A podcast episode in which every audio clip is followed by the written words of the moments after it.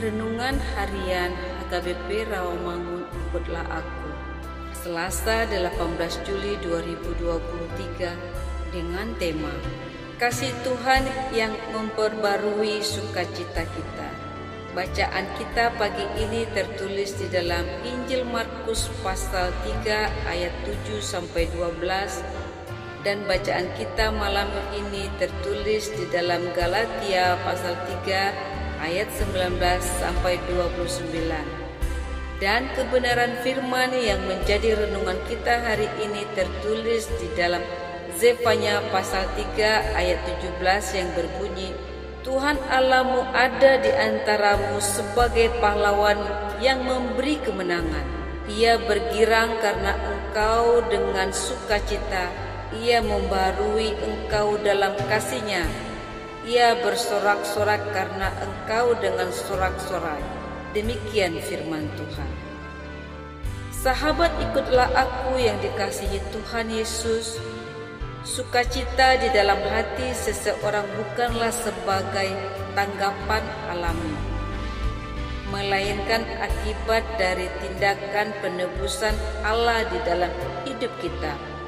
Kita merasakan sukacita adalah karena kita telah diampuni dan tidak dihukum lagi karena dosa-dosa kita. Dua, musuh kita sudah dikalahkan.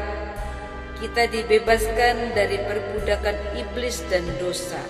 Tiga, Allah menyertai kita dengan memberikan kita persekutuan, kasih karunia, dan pertolongannya sepanjang hidup kita. Dan keempat, kita adalah sasaran kasih Allah sebagai pahlawan yang memberi kemenangan. Hal terpenting yang menjadi pesan utama dalam renungan ini adalah jangan sampai kita ada dalam sukacita yang semu dan juga kita perlu memikirkan kembali jika kita selalu murung dan dilanda dengan kegalauan yang tidak pernah berakhir.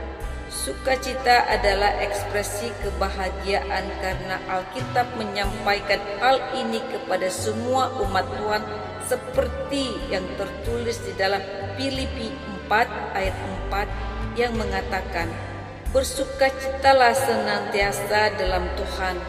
Sekali lagi kukatakan bersukacitalah.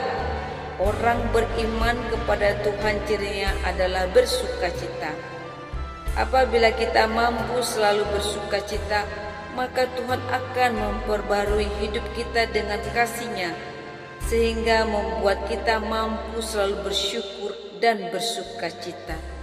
Amin. Marilah kita berdoa.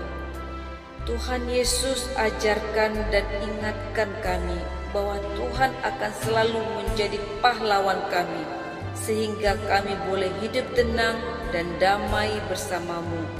Amin.